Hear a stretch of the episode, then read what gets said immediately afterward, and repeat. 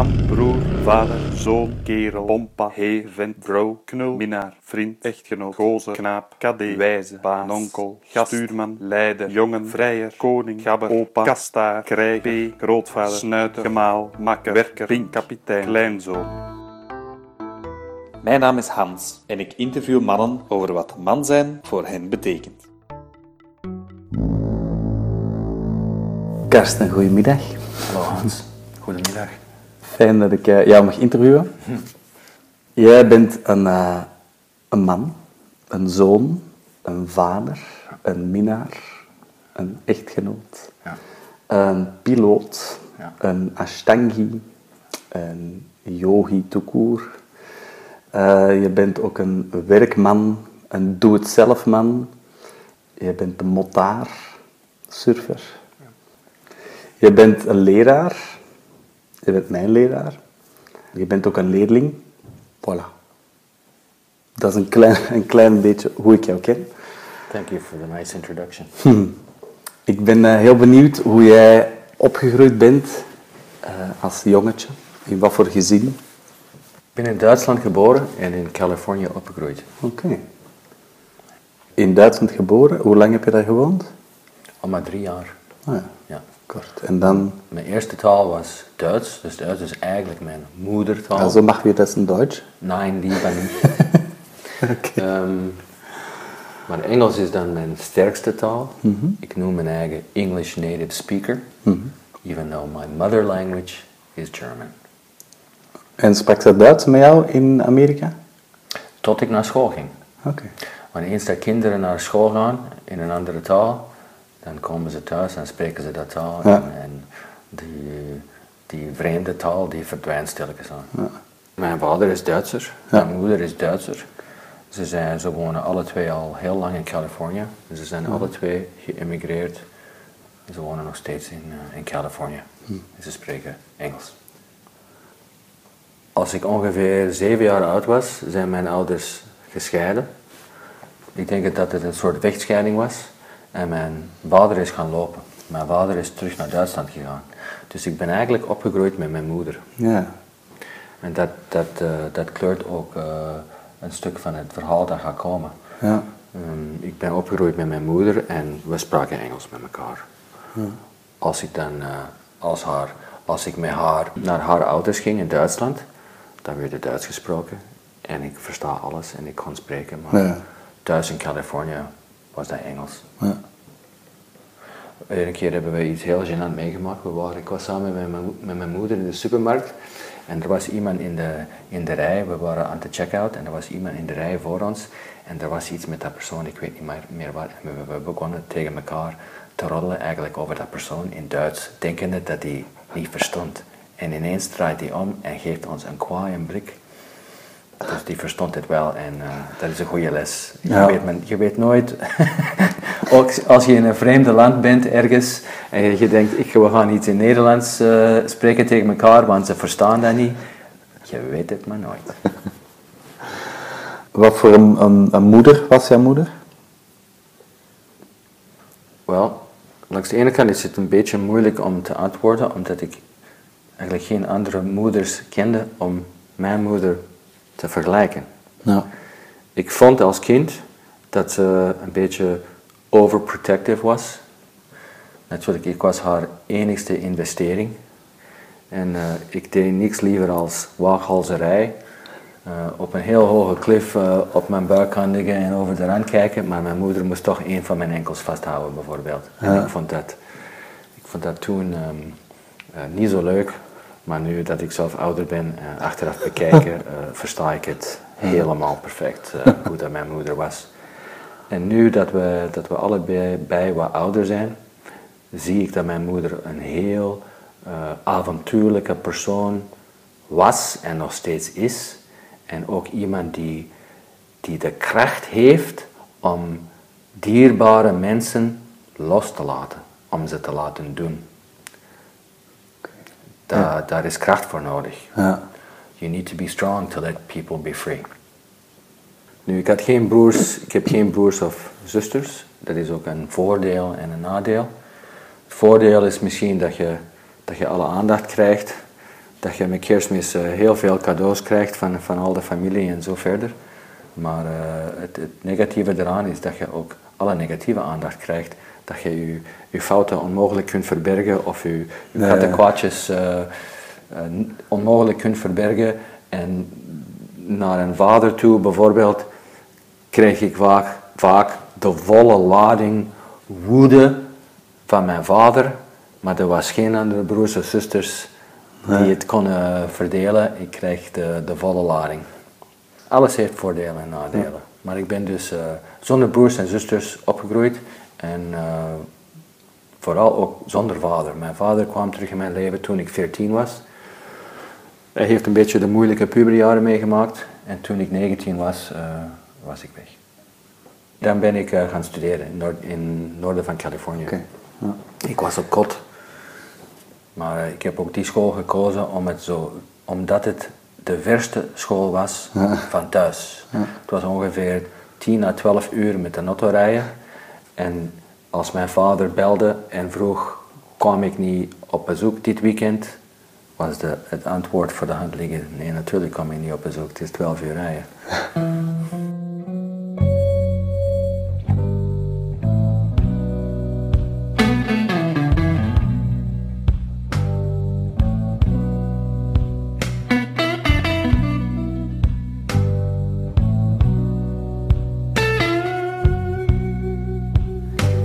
Zeg, je vader was, was er niet, zei je? Die was niet bij jouw opvoeding. De eerste zeven jaar wel? Ongeveer, ja. Hij was ook veel aanwezig de- in het begin, want hij was piloot en dan had hij eh, zelf een charter vliegtuigmaatschappij. Oké. Hij was entrepreneur. Hij was veel afwezig. En dan met de, met de echtscheiding is hem gewoon gaan lopen. Is hem terug naar Duitsland. Ja. En dan zag ik hem eh, één of twee keer in het jaar. Ja. Ehm, hij heeft nooit met mij. Het is, ik, ik heb moeite om eh, positieve dingen te vertellen over, over dat periode en, en mijn vader. Eh, hij speelde zo goed als nooit met mij. Ik kan me geen, geen enkel keer herinneren, herinneren dat we met elkaar een bal hebben gegooid, of een voetbal hebben geschot, of zijn gaan fietsen. Of, of een gezelschapsspelletje? Nooit. Gewoon nooit. Hij was, heel, hij was vaak afwezig. En als hij er was, dat was precies... Als hij er was, weer ik, eh, weer ik in de watten gelegd. Ja. Maar ehm, ik krijg eigenlijk niet zo heel veel aandacht als kind van mijn vader. Nee. Hij, was, hij had het te druk. Nochtans, als klein kind kijk je op naar je vader. En je vader, is, eh, je vader kan alles, weet alles. Je vader is, is een held voor jou. En zo was het ook toen ik nog klein was. Denk je dat hij toen trots op jou was? Hij, trots op mij. Toen, als, als kind? Ik denk het wel, maar ik was ook toen, ik was ook zijn enigste investering. En, eh, ik was toen en nu nog alles voor hem. Maar alles zijn voor iemand is niet altijd zo goed. Het is ook een, eh, een zware, mm, een een last, een soort last. Hè? Ja. Ja. Ja. Leefde hij naar een bepaalde visie of had hij een bepaald duidelijk ideaal in zijn leven? Niet dat ik wist. Hij was piloot. Eh, hij is nog steeds bezeten van vliegen en van vliegtuigen. Maar ik noem dat niet echt een, missie in zijn leven. Nee. Mijn vader was en is wel een heel eh, emotionele iemand.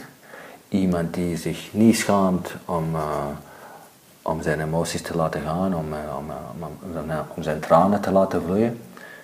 is iemand met een heel groot hart, heel vrijgevig, very generous. Echt een heel zachte, lieve, emotionele man. En die waardes eh, kan ik best wel appreciëren. Hij, was, hij was ook een beetje stoer, maar niet op een Amerikaanse manier. En bijvoorbeeld tijdens deze interview, al hetgeen dat ik zeg, is beïnvloed ook door mijn cultuur. Mijn cultuur is, de Californiaanse cultuur. Dus mijn vader was, was nooit sportief. Hij was geen, geen, uh, had geen spieren, was geen sterke uh, alpha male, maar hij kon een stuk vliegen. En hij, scheurde over de boomtoppen met, met, zijn vliegtuig. En hij reed met de motto en ik reed achterop op de motto met hem. En hij, deed, hij deed die soort dingen die ik heel uh, opwindend en, en mannelijk vond. Vliegtuigen en motorrijden en, uh, ja, en rokken jagen. Dat deed mijn vader allemaal. En daar keek ik wel een beetje naar op. Maar tegelijkertijd heeft hij mij ook heel veel negatieve voorbeelden gegeven. Voorbeelden die ik pas later in mijn leven heb duidelijk kunnen zien. Hm.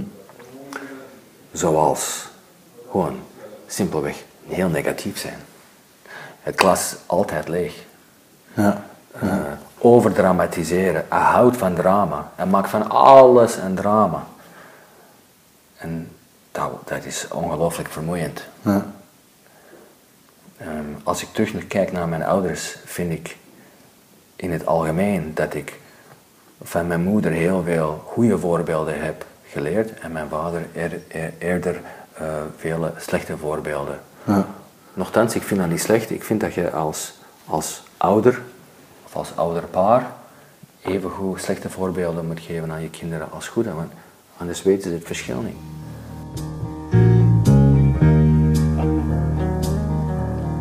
Rebel souls, deserters we are called, chose a gun and threw away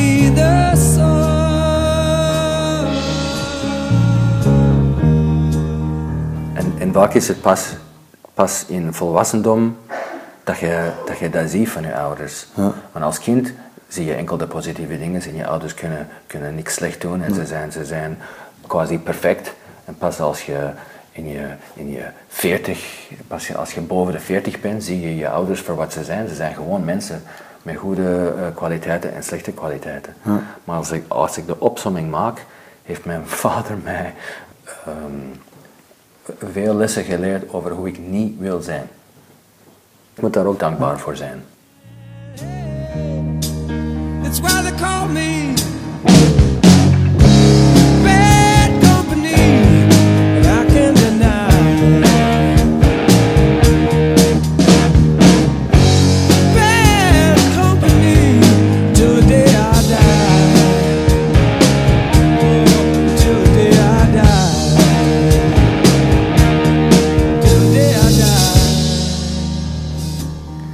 Heb jij bepaalde momenten die zo het einde van jouw kindertijd bepaalden? When I, when probably the most beautiful girl at the school ended up to be my girlfriend. I was 15 years old, and we were uh, we were having a good time hmm. in bed. I didn't feel like a child anymore. No. And then I got my first motorcycle. Not that long after that, I felt like a man. Even though I was only 16. Uh, and uh, you know, when you're 16 or when you're 18, you think you know everything, and then you, when you're 25, you realize you didn't know anything, and then when you're 25, you think, well, now I, now I really, now I'm grown up, and then when you're 35, you look back at when you were 25 and you realize you didn't know anything. And it kind of keeps going like that, in, in, in my view, until probably you're over 40. Somewhere in your 40s, you you really kind of settle into adulthood. And then, for many people, you end up with a midlife crisis when you start to question your life and what you've been doing and its value and your future. Where is your future going to go?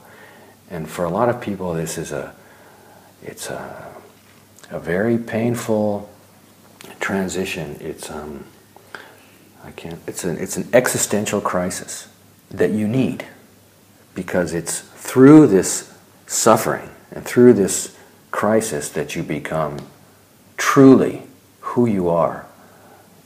It's through that that you become uh, completely uh, adult with hopefully a clear vision on, on yourself and on people around you. But you need to suffer before you can grow. coming from American culture, being influenced by the media, um, I did appreciate and still do the some of the stereotypical male attributes. You know, I still love motorcycles. Ja. I still love beautiful women. I still like to do manly things like flying and chasing girls and drinking beer and smoking dope. Ja. I think also man, you know, being a man also means being strong Hm. uh, physically. Ja. It means uh, doing, being able to do things with your hands. It means being the boss every now and then. Doesn't mean you're always dominant or or aggressive, but there are moments when you have to be aggressive. There are moments when even violence could be appropriate, depending on the situation. That's more of an American culture mm-hmm. thing than a than a European one. But these things are all part of being a man.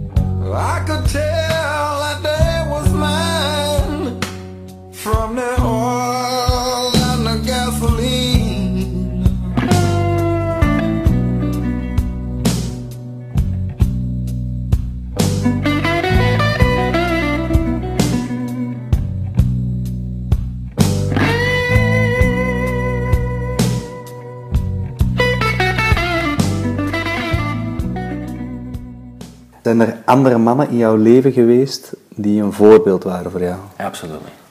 My mother was a model. She was very attractive.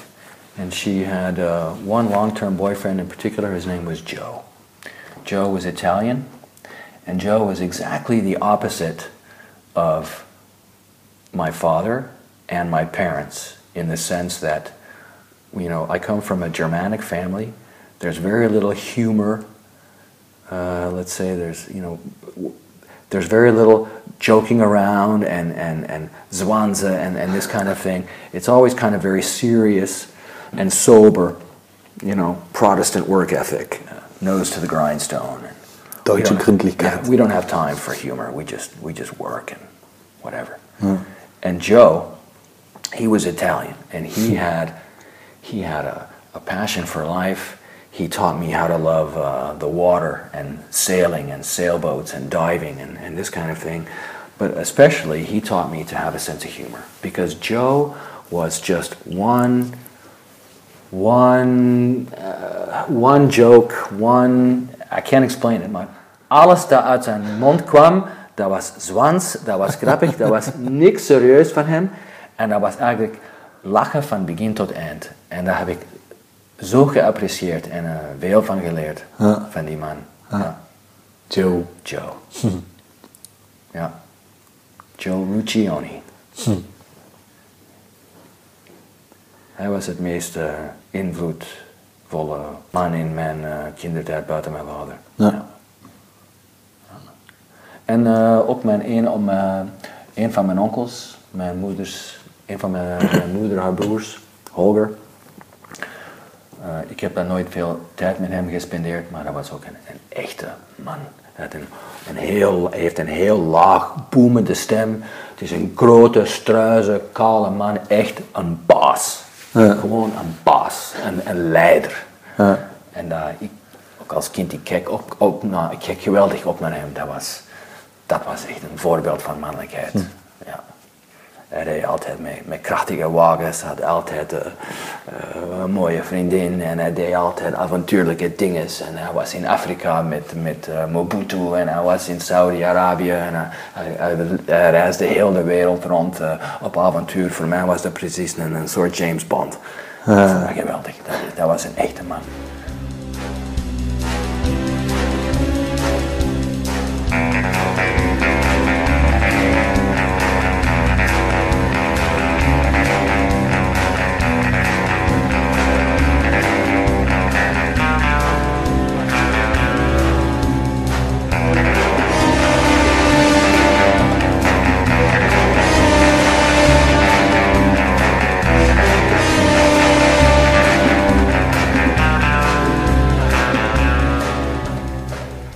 Tot ik yoga begon, was ik, eh, was ik altijd zo, eh, laten we zeggen, ik ben een, voor Amerikaanse eh, standards, ik ben klein. Ik weeg maar 66 kilo. Ik ben geen brok van een wind. Ik ben niet groot gespierd of zwaar geschapen. Dus van, die, van, die, van die mannelijke eigenschappen, ik keek daar wel naar op, naar mannen die zo waren, maar ik ben zo zelf niet. Ik heb mijn, mijn, mijn weg moeten vinden op mijn manier in het mannelijk zijn. Ik was dan niet de, de grote, stoere eh, eh, vechtersbaas. Ik was maar een, een kleine, fijne surfer. Ja. Ehm, maar oké, kwam goed. Ik voelde mij, eh, ik voelde mij eh, op mijn plaats eh, met mijn geslacht en met mijn mannelijkheid.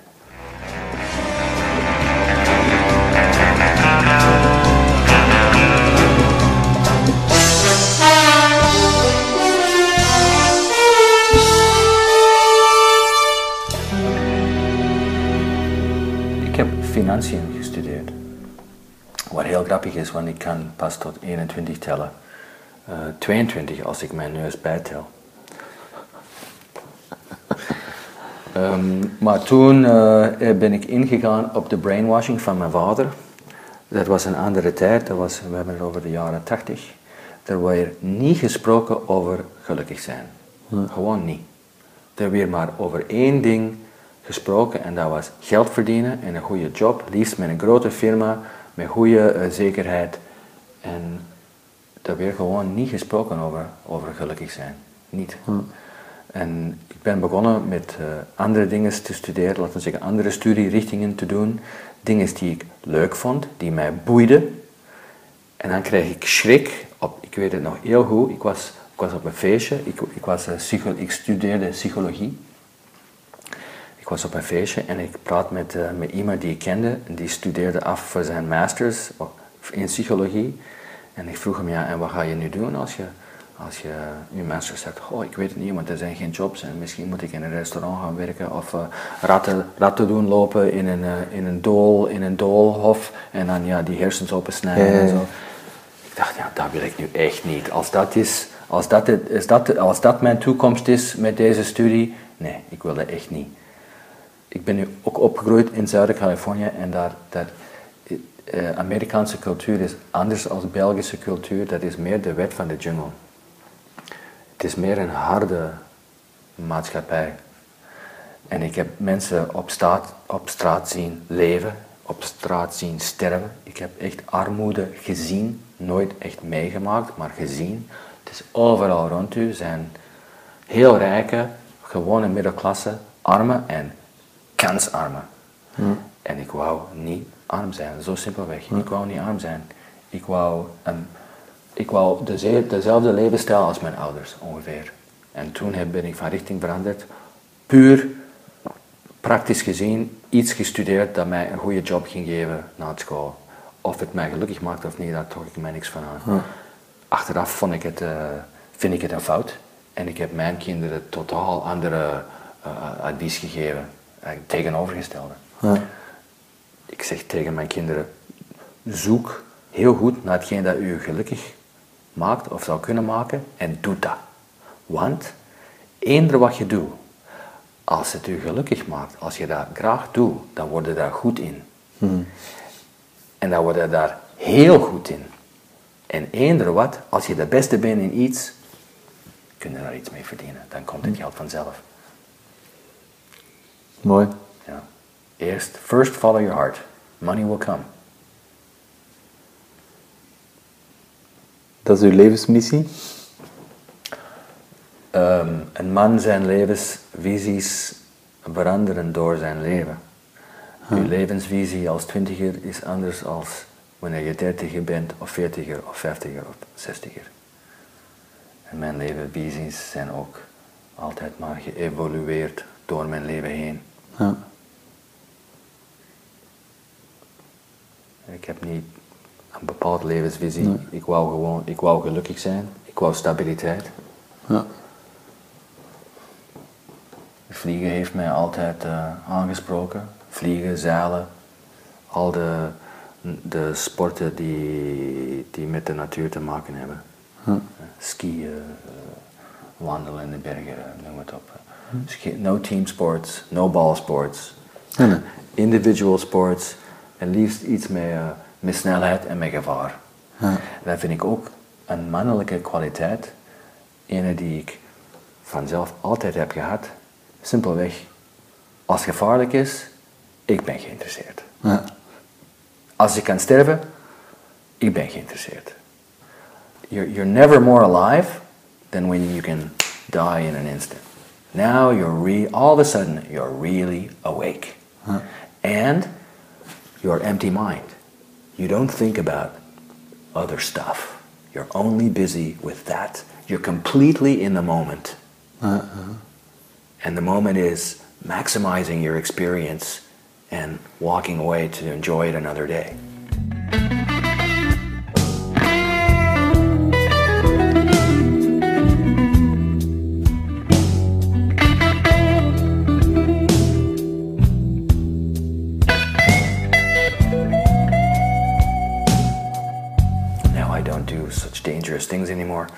I switched from paragliding to, uh, to sailplanes. I switched from uh, street racers to, uh, to a big fat BMW. But um, I love, I love dangerous things. Because the purpose of life is to experience life, to live life. And hopefully you have more positive experiences than negative experiences. But sitting in your, in your, sitting on your couch and watching TV and going to work and coming home and doing it the same, doing it again day after day, year after year, you're not living life. You're living life when you grab life by the balls, man. Hmm. When you ski black diamond piste and when you when you fly and surf and and and, and, and race and, and chase and that's living life. Ja. Yeah, James Bond. He's my role model, James Bond. and he's got perfect manners.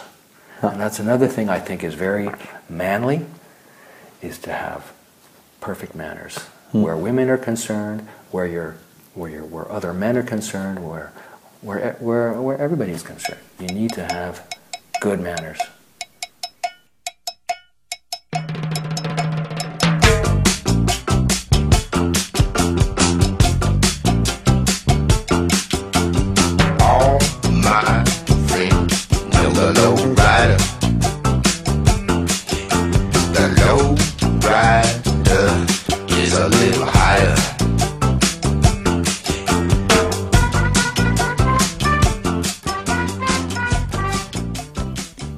Verhoud jij je als man tot een vrouw? Tot jouw vrouw? Ik ben heel gelukkig omdat ik nu meer dan 30 jaar met dezelfde vrouw ben. En dat we zowel de goede als de slechte tijden samen hebben kunnen doorstaan. Zo'n langdurige relatie, in mijn ogen, kan niet anders zijn als een partnership. En een partnership een partnership is ongeveer eh, 50-50. Het is niet dat in mijn, in mijn ogen, in mijn relatie. Er zijn andere relaties die anders zijn, waar bijvoorbeeld de man is echt een baas. En iedereen kent dat eh, in zijn vriendenkring. Zowel als we koppels herkennen waar de vrouw de baas is. En de man is helemaal onder de slof. Dat zie je. Maar in mijn relatie, wij hebben altijd samen gezocht naar een, naar een, eh, eh, naar een gebalanceerde partnership. En dus over sommige dingen heb ik het meer te zeggen, op andere dingen heeft zij het meer te zeggen. Maar ik, ik, ehm, ik gedraag mij als man door mijn vrouw te steunen en door eh, de afspraken die we, die we hebben met, met elkaar gewoon te houden. Ehm, dominant zijn werkt zeker niet. Daar gaan mensen van lopen. Mijn vrouw zou daarvan gaan lopen als ik eh, de dominant heb probeer uit te hangen. Zowel, eh ehm, what's the opposite dominant? Submissive. Ja, dat werkt even goed niet. Of je moet, je moet dat willen. Je moet willen onderdanig zijn. En dan zoek je bewust of onbewust, een dominante partner en dan hebben jullie die afspraak. Maar onze afspraak met elkaar is altijd geweest, wij zijn partners. We're equals. We go through life together. You have your strength, I have my strength, and we fill each other in. Mm. And, and perfect partnership, you know, you're, nobody's good at everything, and I'm good at things that she's not good at, and she's good at things that I'm not good at. And depending on the situation, I will ask her to be the leader because she's better at that. She's more diplomatic. She knows how to maneuver this situation. And in other things, where I'm better, she'll let me, you know, be the driver, and then I will make the decisions because I'm better at those things. Natuurlijk zijn er overlappen, maar die, die creëren nul conflicten. love and happiness. Yeah. Something that can make you do wrong, make you do right. Yeah. Love.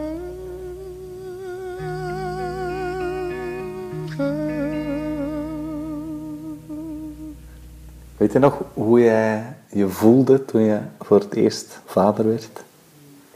Ik, ik was een beetje bang.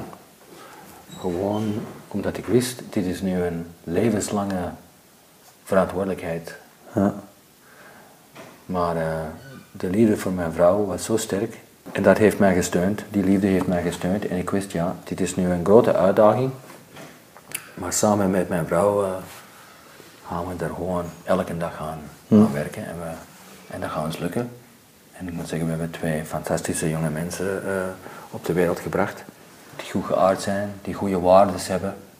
We zijn ontzettend fier op, op onze twee jongens. Ik zei eerder dat mijn vader mij eh, negatieve voorbeelden heeft gegeven. Ik heb dat ongetwijfeld ook gedaan met mijn zonen. Maar je, dat is iets dat je niet wilt. Je wilt niet laten zien hoe dat je valt. Je wilt niet laten zien hoe dat je een slechterik bent of zwak. Nochtans, dat is onvermijdbaar. Toen, ik, eh, toen ik mijn midlife crisis had, ja, zat ik eh, weken aan een stuk eh, te wenen. Ik begon gewoon spontaan te wenen.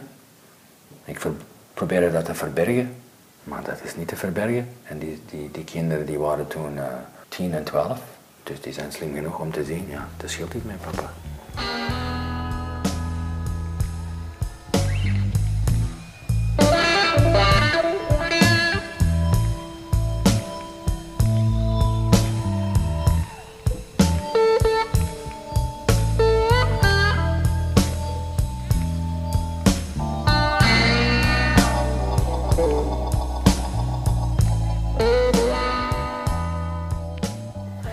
Ding waar ik het eigenlijk nooit heb over gehad met mijn zonen, is uw vrouwelijke kant aanvaarden. En wat is dat voor jou? Vrouwelijke kant? Ja, dat is een, voor een stuk de minnaar gevoelens hebben, Ja. maar ehm,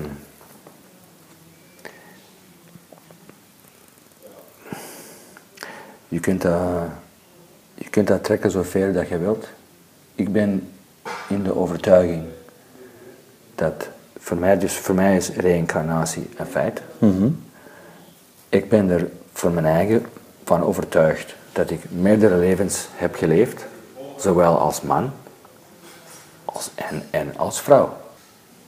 En op verschillende manieren heb ik dan ehm, mijn vrouwelijke kanten laten zijn voor wat het is. Ehm, in Amerikaanse cultuur is dat echt taboe. Daar zijn mannen mannen en vrouwen vrouwen. Maar zo'n beetje verwijfde mannen, ja, dat zijn dan direct homo's. En dat, is, dat is totaal taboe. In Europa is dat, is dat anders. Maar dus ik vind dat, ehm, dat een, een volwassen man die zijn eigen kent, evengoed zijn vrouwelijke kanten aanvaardt als zijn mannelijke kanten. En uiteindelijk zijn we, is ieder persoon een mengeling van de twee. Ja.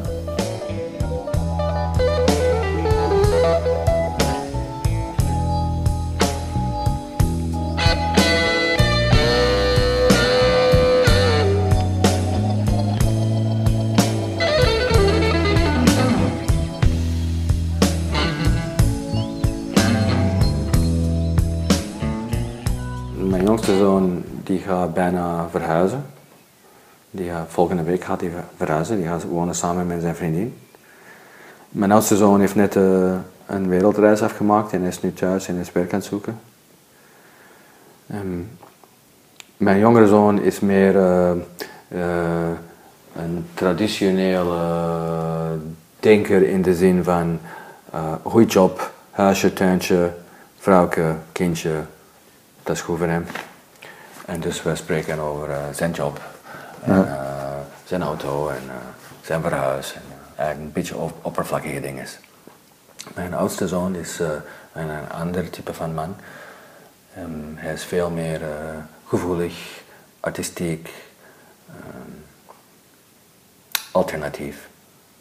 En met hem kan ik veel diepere gesprekken hebben. Het is niet dat ik dat met mijn jongste zoon niet kan, maar het, het gebeurt niet veel. Ehm, en hij, ik denk, hij, heeft, hij is ook van de leeftijd nu, hij, hij heeft een beetje gedaan met mij. Eh, Hij wil, hij wil op zijn eigen. En dat is perfect. Ik, dat kwetst mij helemaal niet. Dat is ook de leeftijd. En over vijf of tien jaar, dat hem eh, vijf of tien jaar weg is, zal hij terugkomen en dan zullen we waarschijnlijk diepe gesprekken over dingen, eh, diepe gesprekken voeren over dingen die we er nooit over hebben gepraat. En nu is de tijd dat hij, dat hij weggaat. Ja. Eh, perfect.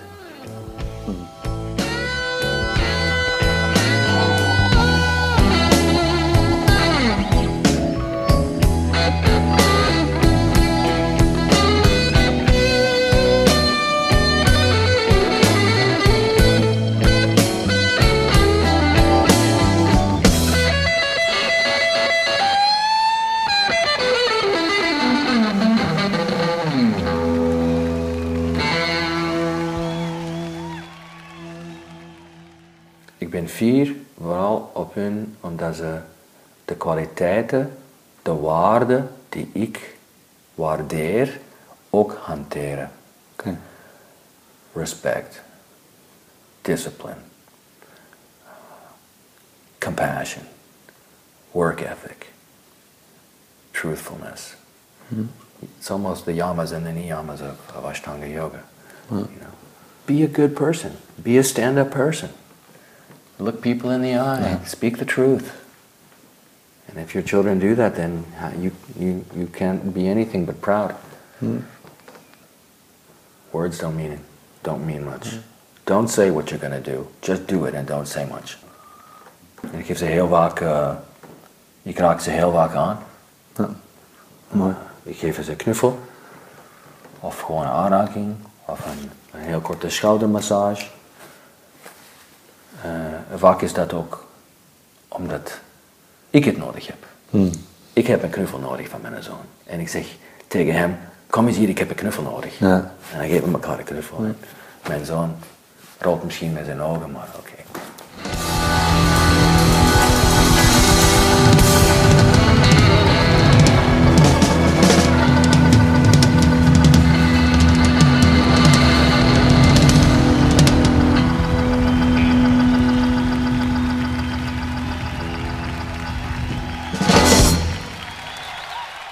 That I love them. Ja. They feel it. I don't have to say it. Ja. They feel it. I show it. En dat brengt me eigenlijk terug op mijn vader. Mijn vader doet niks liever als praten. Praten, praten, praten, praten. Bla, bla, bla, bla, bla. Zijn mond stopt zo goed als nooit. Gelukkig heeft hij een vrouw gevonden die ook zo is. En dus met elkaar is dat gewoon ononderbroken gebabbel. Ik word er knettergek van. Als ik mijn vader zou, I don't know how to say it in, uh, in Dutch. If I would force my father on to, to to do everything he said he was going to do, to actually come through with everything he's, he talks about, it wouldn't be one in ten. Because there's so much talk. And this, i I don't like this. I don't want to be like this. And so I try to say less. Nu is mijn, mijn oudere zoon is terug van zijn wereldreis. Hij zit, hij zit een beetje in een moeilijke periode met zijn relatie en met zijn toekomst. Hij weet het niet helemaal uh, wat hij wil en waar hij wil zijn. En wij voeren daar uh, wat diepe gesprekken over. En er zijn lange momenten van absolute stilte. Ik vind dat goed. Voor mij hoeft dat zo te zijn. Because that's, that's called a discussion. When one person talks nonstop and the other person listens, that's not a discussion, that's a lecture. My father never talked to me, he lectured me. Het is nog, nog niet zo lang geleden dat wij, we hadden een kleine conflict over iets, ik en mijn vader. Uh, we waren uh, aan het bellen aan de telefoon en ik denk hij heeft een, een uur gepraat en na de uur zegt hem in Engels dan, well I'm really glad we had this conversation. And I said, I'm sorry, Dad, we didn't have a conversation. You talked and I listened. That's not a conversation. Maar je kunt de aard van de mens niet veranderen, zeker als hem uh, in de tachtig is. Maar dus uh, een discussie is twee richtingen. Ja. And it's okay to have silence. Leave room for silence. You mm-hmm. don't have to fill the space. Plus, als je dat zo doet, zullen je kinderen niet zeggen, oh mijn pa, wat een zorg. Altijd aan zagen, zagen, zagen. En op de deur, zodra je begint iets te zeggen, die klappen hun oren toe en die luisteren niet meer. Je moet je woorden goed kiezen en niet te diep op, niet, niet te veel herhalen en niet altijd, altijd, bla bla bla bla bla. Denk over wat je wilt zeggen, zeg dat en zwijgt. En dan heeft dat effect. Het is altijd goed om uh, goede voorbeelden te zien. Ik had, uh, toen mijn kinderen klein waren, had ik geen voorbeelden van andere jonge vaders. Ja. Eén.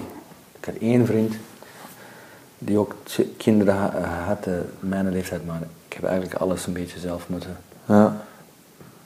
Ondervinden. Ik heb twee weken geleden een man geïnterviewd en hij zei: Je moet als man zelf leven, je moet je, je eigen leven leven, je eigen leven leiden, je eigen leven maken, maar je moet dat niet alleen doen. Je kunt dat ook delen met anderen. Wij praten daar als mannen weinig over. Dat is een heel goed punt. Wij doen dat weinig samen. Dat is een heel goed punt en ik wil daar een beetje dieper op ingaan. Mannelijk zijn is uw problemen voor uw eigen houden. Mannelijk zijn is zwijgen. Mannelijk zijn is afzien in stilte, alleen. Afgezonderd. Hmm. En eigenlijk is dat een dikke fout. Dat is totale bullshit. Als je het geluk hebt om uh, vrienden of goede kennissen te hebben die u kunnen steunen, waarover, waarmee je kunt praten over een probleem dat je hebt, doe dat. Ja. Maar ik heb dat niet gedaan. Toen ik echt in de shit zat, mijn vrienden kwamen langs en ik was totaal kapot en die zeggen, ja, wat kan ik voor u doen? Ik zeg, ga weg. Ja. Stoem. En dat is, dat is misschien ook weer je, je vrouwelijke kant waar naar buiten laten komen. Ja. Be brave enough to show your feelings. Be brave enough to open up to your, to your friends. Don't be afraid that they will look at you uh, as being weak or, or feminine or, or whatever. Be brave enough to open up. But we don't like to do that as men. How do men deal with problems? They ignore them. And eventually the problem will go away by itself, which is often true. But ignoring problems is probably not the best approach. It's better to deal with your problems than to mm. ignore them. But we men, we just we have a problem and we just lock it up in a box and don't let it don't let it see the light of day and then hopefully, eventually, after years and years, that problem won't exist anymore. This is wrong thinking. Hmm. It's bullshit. Be brave. Open up to your friends.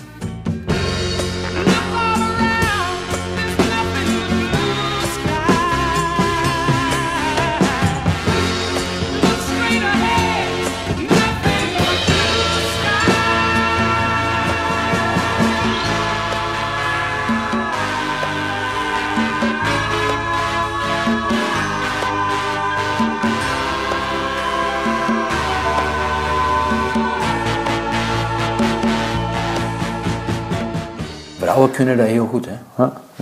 Vrouwen hebben er geen, geen moeite mee. Maar een vrou- een vrouw is een veel socialer dier als een man. Een man is eigenlijk. Als je. Mijn vrouw heeft om de zes weken een eh, bijeenkomst met jeugdvriendinnen. Dezelfde groep van acht meisjes. En, soms is, en dat wisselt om de, om de beurt eh, van plaats. Soms is dat hier. En ik ben versteld van hoeveel plezier dat die hebben. Van hoe dat die lachen. Lachen, lachen, lachen. En die vertellen intimiteiten over hun, hun seksleven of over hun, hun, eh, hun affaires. Of, ik weet niet wat ze allemaal vertellen, want ik luister dan. Ik, ik heb niet met, met mijn oren eh, tegen een muur. Maar ik, ik vang wel op dat ze, dat ze heel open zijn met elkaar en dat ze ongelooflijk veel lachen en veel pret hebben. Nu doe je acht jeugdvrienden samen, mannen jeugdvrienden. En wat is dat voor een saaie boel? Wat, wat, wordt daarover gepraat? Ja, over de vriendinnen, over hun, uh, over, over their sexual conquests, who they went to bed with, how to show how, how, how manly they are, or sports, or cars and motorcycles and airplanes and sailboats and this kind of thing. Never about their problems, never about their feelings. Men don't want to talk about their feelings to other men. That's too scary. We just talk about superficial stuff. En waarom is dat eh, te beangstigend? Ik weet het niet goed. Ik ervaar het toch zo. Doe acht mannen samen, ook mannen die elkaar al jaren kennen, en de, de conversatie blijft ergens oppervlakkig. Ze praten over het verleden, weten nog toen in de scouts en in het leger, bla bla bla. Of eh, ja, dat blijft oppervlakkig en dat blijft mannenpraat. Eh, mooie borsten, eh, een mooie auto, noem het maar op. Maar er wordt niet echt gepraat over, over diepe dingen. En de vrouwen doen dat wel. Over die, die, die interviews die ik doe, Jessie heeft een paar beluisterd en zegt, "Maar ik praat altijd zo met mijn vriendinnen. Ik kom iemand nieuw tegen en stel- die vragen die jij vraagt, dat, dat stel ik. En de mannen die het horen denken, oh knap dat je dat doet, oh interessant, oh, ik heb dat nog nooit geweten, ik praat niet zo. Nee. We zijn bang, hè? We zijn bang. Ja? Maar We waarom? willen, we willen, we willen, wij mannen, we willen, we willen aan de wereld laten zien hoe sterk en hoe stoer dat we zijn, maar eigenlijk zijn we bang. Ja. Want veel van dat laten zien is show. Ja. Kijk naar... Competitie, hè? Ja. En het is ook eh, een subtiel competitie onderling met je vrienden, met je kennissen. Wie is nu hier het meest mannelijk? Ja. Heb je zelf eh, ehm, vrienden of, of mannen met wie je dit wel doet? Of wel kan nu?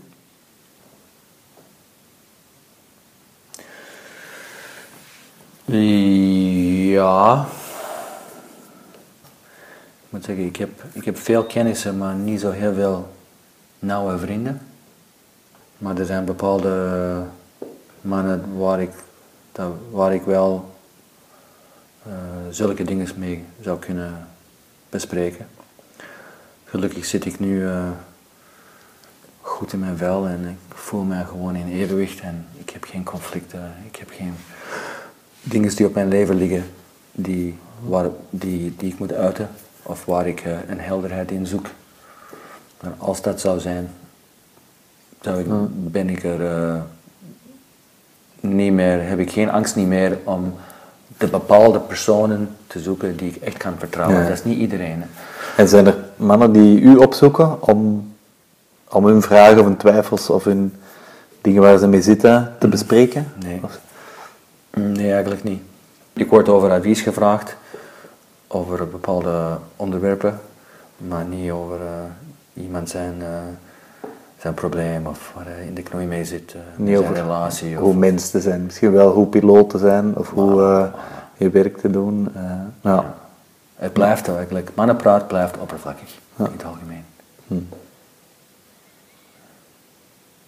En dat kan ik bijvoorbeeld appre- appreciëren aan, mijn, aan, de, aan een paar vrienden die ik heb die, die homo zijn. Ja.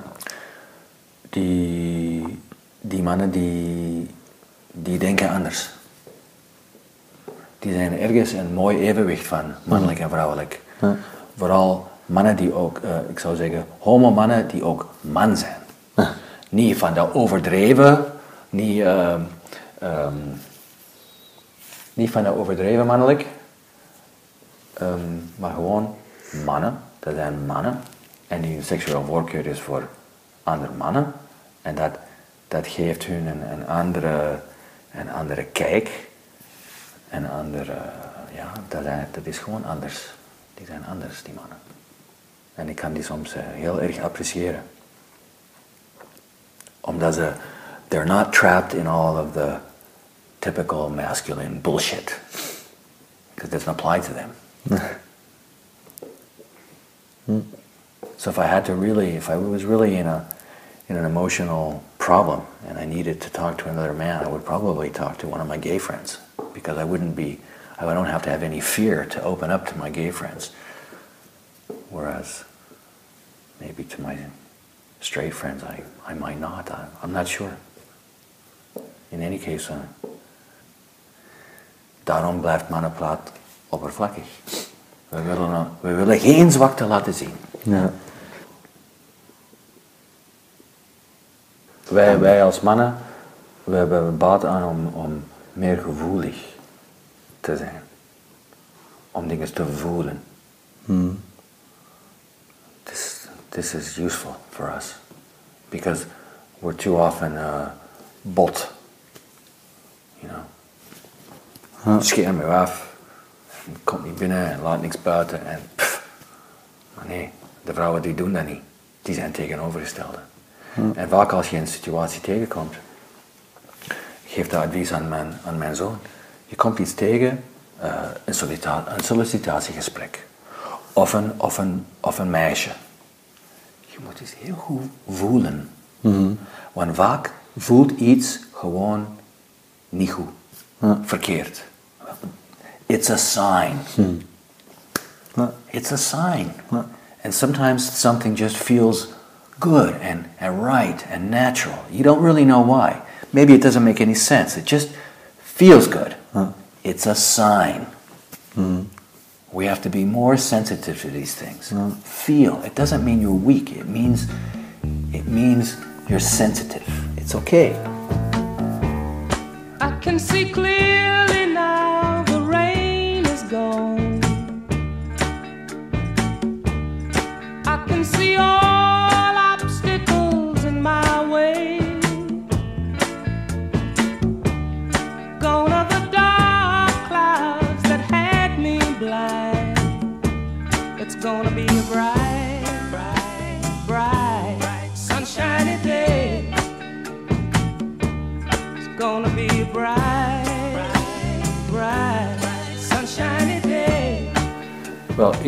ik, herken mijn eigen op verschillende maten en in verschillende situaties in elk van die vier archetypen: koning, krijger, magier en minnaar. Ik bedoel, dit, dit gesprek gaat over eh, man zijn. En voor mij zijn de, de meest mannelijke archetypen de koning en de krijger. Dat heb ik op gebied van eh, my relationship, my home life. Ehm, ik ben een krijger eerder in het eh, defensieve als in het offensieve. Ik zal niet direct eh, laten we zeggen, ik ga niet direct eerst eh, een koek uitdelen. Maar ik laat niet toe dat iemand of een situatie mijn, mijn dierbaren Ja. aanvalt. To get things done. Ja, ja, Dat is ook krijger, hè? ja.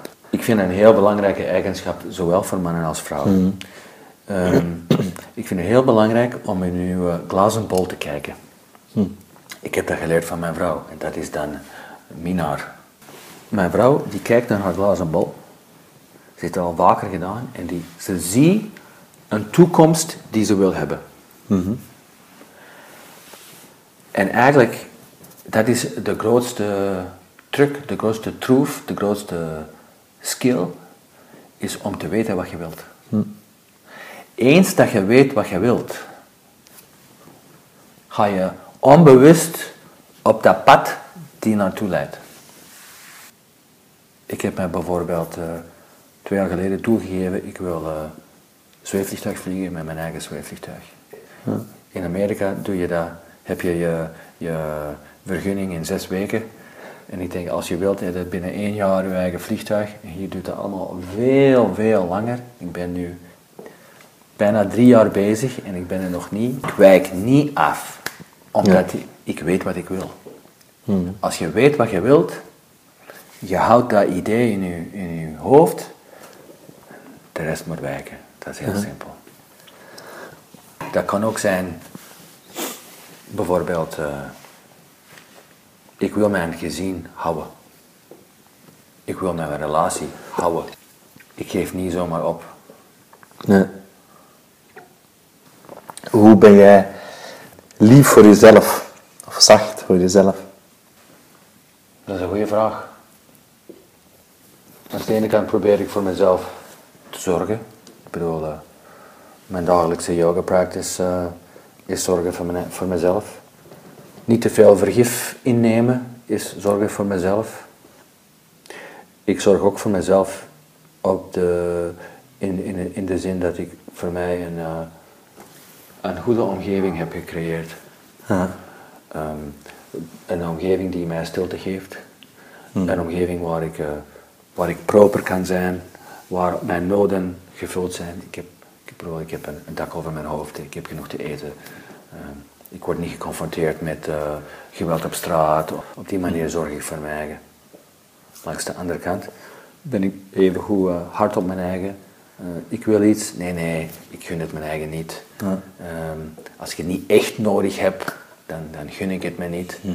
Dat is een beetje het Duitse protestantisme dat er naar boven komt, you know. You go to the store, oh, I really like this sweater, it's beautiful. No, I don't really need it, I've got a closet full of sweaters. A woman would just say, you like it? Buy it, just buy it. And the man says, no, no, we don't need it. Forget it. And then, and then a week later you think, damn, I should have bought that sweater, it was so nice. And then you go back to the store and it's gone. Oké. Dankjewel voor jouw verhaal. Graag gedaan, Hans. Merci. Super, thanks for coming.